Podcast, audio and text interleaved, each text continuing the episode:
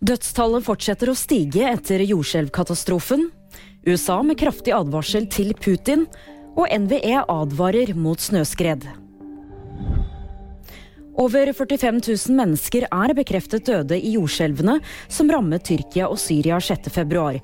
Det viser oppdaterte tall. I tillegg er flere tusen skadd, og fortsatt ligger et ukjent antall mennesker under ruinene av sammenraste bygninger. USA mener det er bevist at Russland har begått krigsforbrytelser i Ukraina. Dette gjelder bl.a. bortføring av barn.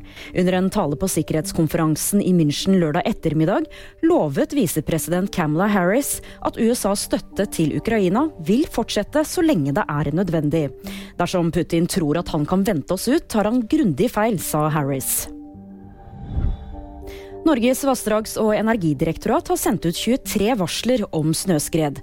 Verst kan det bli i Helgeland, hvor det er betydelig snøskredfare både lørdag, søndag og mandag.